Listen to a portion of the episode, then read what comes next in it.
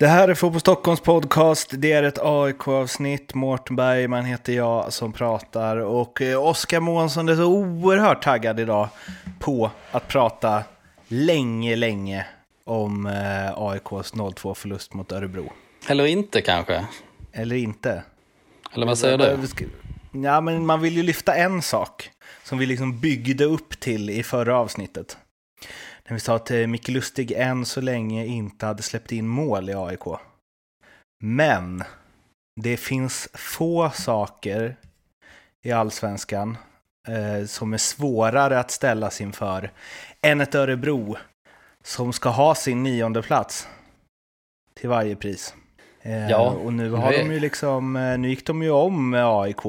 Så AIK är nere i nio nu och Örebro åtta, men jag tänker att det finns något som, eh, det finns en tanke med det där inför de två kvarvarande omgångarna. Att de kanske behövde den där segern ändå för att lägga beslag på nionde platsen. Och således blir, fick inte Lustig den, vad var det vi kallar den? Perfekta säsongen va? Ja, från försvar måste det vara det såklart. Mm. En knapp halvsäsong hade han chansen att eh, gå igenom utan att laget släpper in ett enda mål när han är på planen. Inte alls lika slagkraftigt. Den perfekta knappa halvsäsongen. Nej, precis. Och eh, när han är på planen och så vidare. Men eh, med tanke på hur, eh, hur, hur ovanlig den ändå skulle vara så, mm. så är den ju, hade den ju varit stark även med alla de här garderingarna. Men eh, nej, vi lämnar väl den matchen va? Um, tri trist match att snacka om. Uh, och vi tycker att vi har lite andra grejer um, som är värda att lyfta i stället. Mm.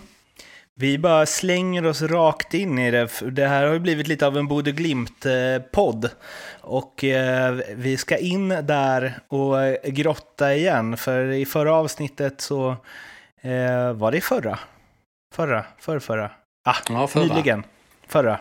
Så gick du igenom varför AIK borde göra som borde Glimt och hur mycket i AIK som eh, är eh, förberett för att göra en sån eh, satsning och eh, samma riktning som borde Glimt gjort så eh, framgångsrikt i Norge. De har säkrat ligatiteln nu va? Var det i veckan? Ja, eller? precis. Och det återstår ju fem omgångar. Och de kommer vinna serien med 20, 20 poäng eller något sånt där framför Som Molde och, och Rosenborg. Eh, men du fick ju en del medhåll där. Eh, och eh, en gammal storspelare skriver du kryptiskt i eh, körschemat. Och eh, personen vill vara anonym. Så pass anonym att inte ens jag fick reda på vem det är. Men jag, Nej, jag håller på min... Du håller på dina källor, ja. Det får man säga. Ja, men det gör jag. Mm. Det gör man, ska man göra in i graven i vårt, eh, i vårt yrke ju. Eh, mm. Men ja, det blev ju kulturdebatt, får man ju kalla det. Eh, för att min poäng för de som inte lyssnade på förra var ju att man ska ju inte kopiera hur en klubb ja, ett, ett helt koncept liksom. Det, det är väl ganska svårt liksom. Man har ju sina lokala värden såklart. Men det var ju mer att man skulle identifiera eh, de här Eh, framgångsfaktorerna som är så extremt tydliga i en miljö, det vill säga Norge, som eh, är väldigt lik den svenska. Ehm, att man identifierar dem och inspireras av dem. Ehm, vilket skulle passa AIK. Det vi gjorde i förra avsnittet var egentligen bara att titta på om taktiken då, om den skulle passa. Det är väl kanske det minst viktiga på något sätt, eh, för taktiker Ehm, kan man ju, eh, ja, det finns ju rätt många att välja på så att säga. Ehm, men poängen där var väl snarare liksom att man skulle ha en, en tydlig modell som man jobbar efter då, kanske även i ungdomslagen och vilket gör att rekryteringen blir lättare, att man vet alltid vilka spelartyper man är ute efter. Så ja, jag hade eh, en av många diskussioner faktiskt var med den här hemliga gamla storspelaren. Ehm, som var väldigt eh, fascinerad över hur eh, Glimt jobbade och läste det här långa reportaget som jag, eh, som jag skrev. Och tyckte också då att allting skulle passa i AIK. Att de här framgångsfaktorerna, att man skulle kunna bygga på en, en, en snarlik modell. Ja, och det var ja. väl, ja majoriteten av de som jag pratat med tycker ju samma sak och de som har hört av sig är ju framför allt eh, folk som är kopplade eller supportrar bara till eh, AIK och till eh, Hammarby. Det är de två klubbarna som har varit eh, mest nyfikna. Och det tycker jag känns rimligt för att de är väl de klubbarna som kanske har bäst förutsättningar att bygga upp ett sånt här liknande koncept och jobba metodiskt på det sättet. Jag tror att både AIK och Hammarby eh, har potential att ta stora, stora steg och ta mycket mer poäng över tid. Okej, okay. är du klar? Mm. För jag har en grej. Eh, spännande, du, du pratar bra grejer, men jag kan eh, inte tänka på annat än vem den här gamla storspelaren är. Kan du ge någonting? Tvåsiffrigt antal landskamper? Nej, uh, så, så stor spelare det kanske inte. Mm, men det är en spelare som eh, Um, Säger du vem det är om jag gissar rätt? På en gissning. um, nej, det är en spelare som spelar på 2000-talet, så mycket kan jag säga. Okay. Mm. Mer än så blir det inte. Um, för att, uh, som sagt, personer som vill vara anonyma, även i så här hamlösa sammanhang, ska få vara det. Vi får väl se hur länge det håller i sig. Ja, men spännande, gamla storspelare. Du kommer få en lista på hundra namn när vi gjort klart den här podden. Och så ska du säga ja eller nej om det är någon på listan i alla fall. Ja, okej. Okay. Ja, du får ja. försöka. Den tråkigaste leken som någonsin har uppfunnits. men medhåll av gamla storspelare i all ära. Alla var ju inte med på Bode Glimt-tåget. Eh, Kristoffer Svanemar, vår gamla panelmedlem och eh, AIK-medarbetare och eh, fotbollskommentator och allt möjligt. Han satte sig emot att AIK ska in och göra någon form av Bode Glimt makeover. Ja, och den diskussionen, jag vet faktiskt inte om den utgick från det vi pratade om, utan det bara var en, någon slags diskussion som uppstod på Eh, på Twitter. Och eh, då var det en del som var skeptiska till det överlag. Eh, Svanemar är väl en person som gillar att sätta sig på tvären också, kan man väl, kan man väl säga, när han tycker någonting. Ehm, och han var ju väldigt mycket emot det här. Jag argumenterar ganska passivt där liksom. Ehm, eftersom jag tyckte han drog saker till sin spets. Liksom. Alltså han tillskrev mig åsikter som jag inte riktigt hade heller. Eh, men han pratar ju liksom i termer om att, eh, att man skulle eh, bygga om en hel klubbs identitet och att man skulle att man skulle skita i resultat helt och hållet. Liksom i så tre, fem eller tio år skrev han. Liksom, och då har man ju bara missförstått eh, allting. Den satsningen har väl AIK redan gjort en gång den här säsongen? Ja, exakt. Eh, där kan man ju verkligen prata om ett experiment. Alltså, för det, det är ju det som eh, Eh, både Glimt har inte hållit på med något extremt experiment på något sätt. Liksom. Det är inga, inga eh, liksom, komplicerade faktorer vi pratar om här, liksom, utan bara ett målmedvetet arbete.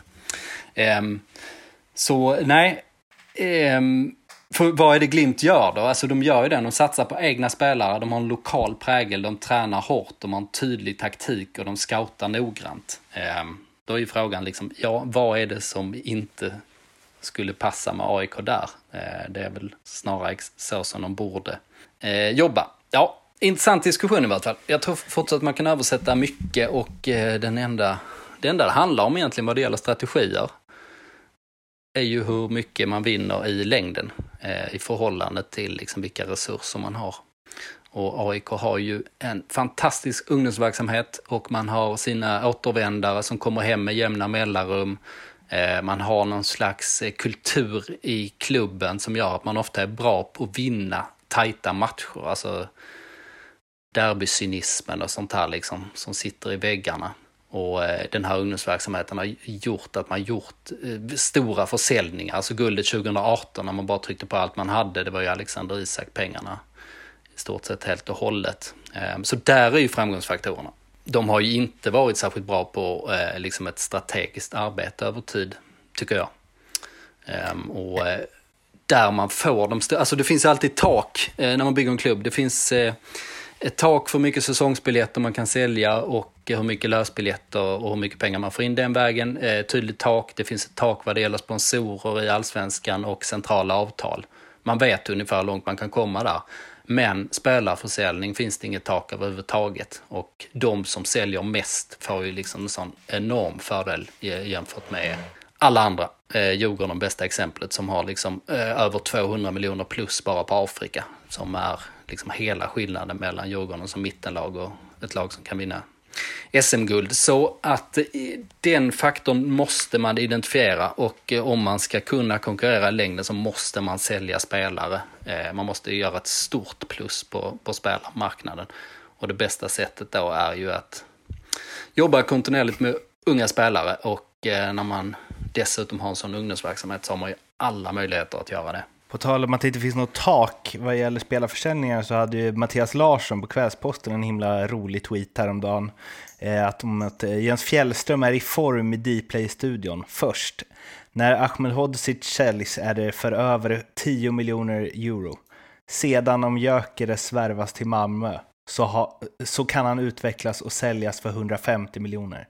Gott klös i glöggen. mm. Gyökeres det... för 150 millar. Den du. Ja, då har man en bit att vandra. eh, just Gyökeres vet jag väl, jag har inte riktigt tillräckligt bra koll på honom. Liksom, men man tänker att det är ju FCK kan ju göra sådana affärer nu. De har ju kommit så pass långt. Alltså FC Köpenhamn kan ju mycket väl, och Midtjylland som är eh, verkligen en extremklubb. De är verksamma Moneyball-klubb, nybildad eh, med liksom stenrika ägare som äger eh, eh Brentford, det det var i, i eh, England också. Alltså, ehm, så här och, och, och liksom, eh, ja, danska ligan är inte medlemsägda och så. Men de har ju åtminstone kommit eh, dit och eh, ja, det känns ju ändå som allsvenskan säljer ganska bra fortsatt ju, framförallt unga spelare. Men så här är det ju, fan man kanske får käka upp det här, eller jag, någon gång. Men att Gyökeres skulle gå för 150 miljoner, du svarar ju, alltså när du säger jag har inte tillräckligt bra koll på honom, det säger ju allt. Att nej, han kommer inte säljas för 150 miljoner från MFF. nej, det kommer han inte. För det finns ingen spelare, det finns ingen svensk 22-åring som någon som uppskattar eller uppfattar att du är, som har bra koll på svensk fotboll, inte riktigt har koll på, som snart kommer säljas för 150 miljoner kronor. Nej, det är en ganska tydlig poäng där. Om vi tar mig som eh, lack, lackmustestet här. Men eh, AIK, och apropå att man har spelat in de här spelarna och möjliga försäljningar, så är ju den här säsongen eh, ett stort sömnpiller, liksom resultatmässigt. Totalt sett det blir ingen katastrof, men det är ju bara en, eh, en mellansäsong med stort M. Men eh, Erik Karl eh, har vi eh, luskat lite kring på slutet och där finns mycket intresse. Eh, det fanns konkret intresse redan nu i, i somras. Och eh, det är väl eh, sannolikt att han säljs för en rätt bra slant nu i vinter. Vad kostar en ung spännande vänsterback i ett allsvenskt mittenlag? Ja, vad kostar han egentligen? Han är ju fortfarande bara 19 och han har ju spelat jäkligt mycket. Eh, man kommer ju lite från ingenstans kan man ju konstatera. Men eh, ja du, kan man sälja honom för 25 miljoner så är det ju klart att det är bra. 30 kanske till och med om han har Ja, det beror, på, det beror helt på vad liksom, klubbarna ser för potential i honom. Han är li, lite svårbedömd kan jag tycka. Eh, Paulus Abraham eh, verkar det inte hända så mycket kring just nu i vart fall. Eh, vi har varit inne på det lite tidigare, men han har ju inte eh, fortsatt att leverera på den höga nivån som han ändå gjorde ganska länge. Han var ju liksom utropstecknet och ljuspunkten ganska länge i, i AIKs säsong. Men eh, där finns ju definitivt eh, eh, fina försäljningar eh, runt hörnet på flera håll, liksom, vilket i sin tur då gör, eh, eh öppnar en massa nya möjligheter. Vi ska alldeles eh, strax eh, berömma Gnaget för en fin, fin marknadsföringskampanj, men först så Eh, har vi en eh, Bartos eh, Gellak-fundering som du har ett svar på. Ja, vad bra va? Ja, verkligen. Mm. Eh, jag läser det innan till mm. om du inte motsätter dig det. Eh, det är en intervju som eh, vi har gjort med honom på Fotboll Stockholm och det låter så här. Jellak tar upp ett nytt exempel, den tyske succétränaren Julian Nagelsmann i Leipzig som på fyra matcher kan spela med fyra helt olika formationer. Och då säger Bartos, jag tycker att det är en styrka som lag att kunna gå över till en fembackslinje om det behövs, eller en trebackslinje. Generellt sett så är min uppfattning som jag fått genom media att många lag och spelare varit känsliga för när man bytt formation. Jag har alltid undrat var det kommer ifrån, ifall det är ett svenskt kynna, kynne, kynna, att vi inte gillar när det förändras för mycket eller om det varit instruktörer som inte varit tillräckligt duktiga på att lära ut nya formationer. Det är inte sällan man ser i något uttalande att nu har vi bytt formation igen och det gick åt helvete. Det, det kan ha varit bortförklaringar också, men tittar man på internationella ligor så är det inte ovanligt. Eh, är det verkligen inte sällan som man ser att någon säger nu har vi bytt formation igen och det gick åt helvete? Ja, om du vill ta bokstavstolkningen där så, så har du nog en poäng. eh, nej, men det, nej, men det är ett intressant ämne tycker jag det där. För att Kjellak själv är ju en eh, eh, ja, men ändå rätt liksom, traditionell tränare vad det gäller eh, formationer. Har ju synts i AIK nu. Han började med 4-4-2, eh, landslagsinspirerat och sen så gick han tillbaks till, eller ja, tillbaks kan man nog säga, att 4-3-3 det har varit liksom en lite eh, favoritformation, eh, åtminstone i försvar. Så han har gärna skickat upp en ytterback när han har varit i fri. Så att man har fått en gubbe till på, eh, på mitten när man väl haft bollen. Eh, men så tog han också upp det här då, liksom att, att man eh, ofta kör på samma modell i Sverige. Och jag tror, nej vänta jag har ju svaret här. Eh, nej men jag tror, eh, han ställer ju frågan om det beror på att man inte är tillräckligt bra eh, eh instruktörer eh, och att man, det kanske är ett svenskt kynne och sånt. Det ligger nog en del i det tror jag, att man eh, inte ligger i framkant. Liksom. Sverige är ändå ganska långt åtminstone när vi pratar liga, ganska långt från den stora fotbollsvärlden. Och att eh, i Sverige får man liksom mer anpassa taktiken efter och svenska tränare är ju inte de som ligger längst fram eh, generellt sett. Alltså om man, om man jämför med eh, många länder. Portugal är ett sånt bra exempel där tränarna liksom även på lägre nivå ofta liksom har eh, ordentliga jäkla utbildningar ehm, och är taktiskt skolade. Eh, det finns väl någon gammal bild liksom att svenska lag är välorganiserade och att man tänker liksom att tränarna också då är eh, skickligare än de flesta andra på att organisera. Men jag tror inte riktigt det stämmer. Men med det sagt eh, så tror jag att den stora förklaringen är helt enkelt eh, eh, ekonomi. Att eh, visst, Alltså om Leipzig kan byta formation, det beror på också att de har så mycket större trupper, att de har liksom kvalitetsspelare med jättehöga löner som kan gå in som rollspelare i olika eh, formationer. Alltså dels är de ju bättre generellt sett de här spelarna, så de kanske är mer mångsidiga. Men att man helt enkelt har eh, eh, det utrymmet att manövrera med. Och eh, jag tror ju som sagt att i grunden så är det smartaste man kan göra som en svensk klubb är att eh, sätta en modell, en formation som man i grunden spelar efter och sen så rekryterar man utifrån den. Eh, jag tror att det är den säkraste modellen och om man håller på att anpassa sig allt för mycket till motståndarna så eh, är det nog en stor risk att det blir mer minus än plus trots allt. Att man konstlar till saker och ting mer med tanke på eh, eh, hur trupperna och vår fotboll ser ut. Det är intressant det där att ehm, man som svensk eller tränare i svensk lag ändå kollar så på utländska tränare. Det är ju naturligt att man kollar på de som gör det bäst. Och liksom, ja, det är väl många som vill spela som Liverpool till exempel.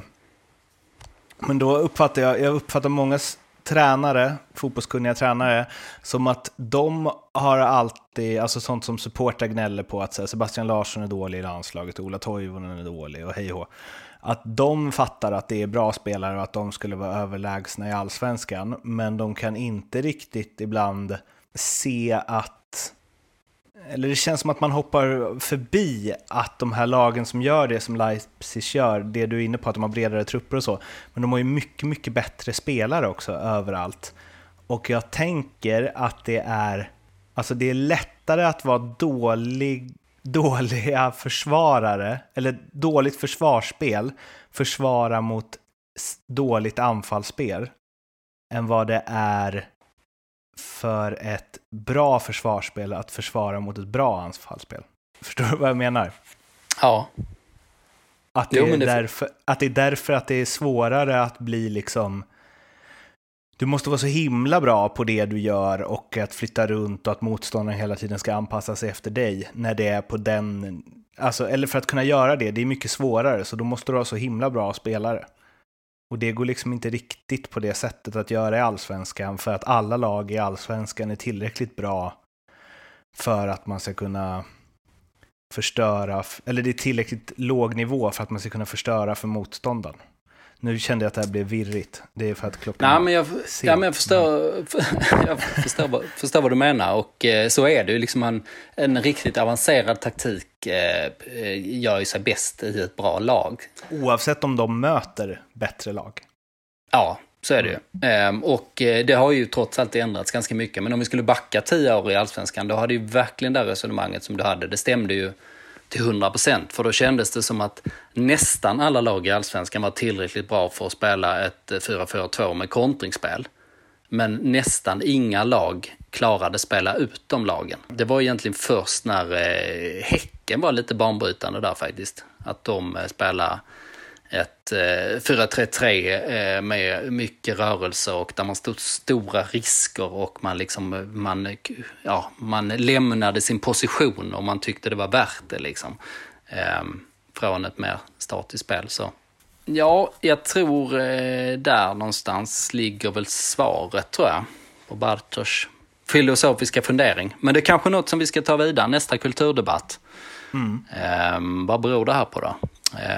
För jag är ju ganska, som du förstår, ganska konservativ i eh, konservativ är kanske ta men eh, jag tror man ska ha en, en, en, grundmodell som man kör hårt på. Jag tror absolut det är det mest effektiva på den här nivån och det behöver inte alls vara liksom begränsande. Alltså man, om vi nu ska nämna Bode Glimt en sista gång i den här podden så kommer de ju förmodligen göra över 100 mål på 30 matcher eh, i en serie som är lika bra som allsvenskan och där Hammarby har rekordet på en 30 matcher serie med 75. Så det, liksom, det behöver inte vara torftigt bara för det. Nu sitter Mattias Lindström och Tobias Hysén och blir mer och mer irriterade på mig för varje sekund som går. Så du får två minuter på dig att hylla AIKs marknadsstrategi kring eh, årskorten 2021. Ja, just det. Du har en ny podd du ska spela in nu, ja. Mm. Ja, eh, först en liten, liten känga här, eh, apropå strategi, att AIK har en del att utveckla där. Alla eller ingen, eh, som Björn Westström lanserade och som han försvarade hårt. Trots att det verkar eh, ja, huvudlöst liksom, i ett längre perspektiv. Man har ju fått frångå det i vart fall. Eh, så nu blev det så som alla sa, att ja, det där betydde ju ingenting. Mer än att ni fick lägga ner prestige.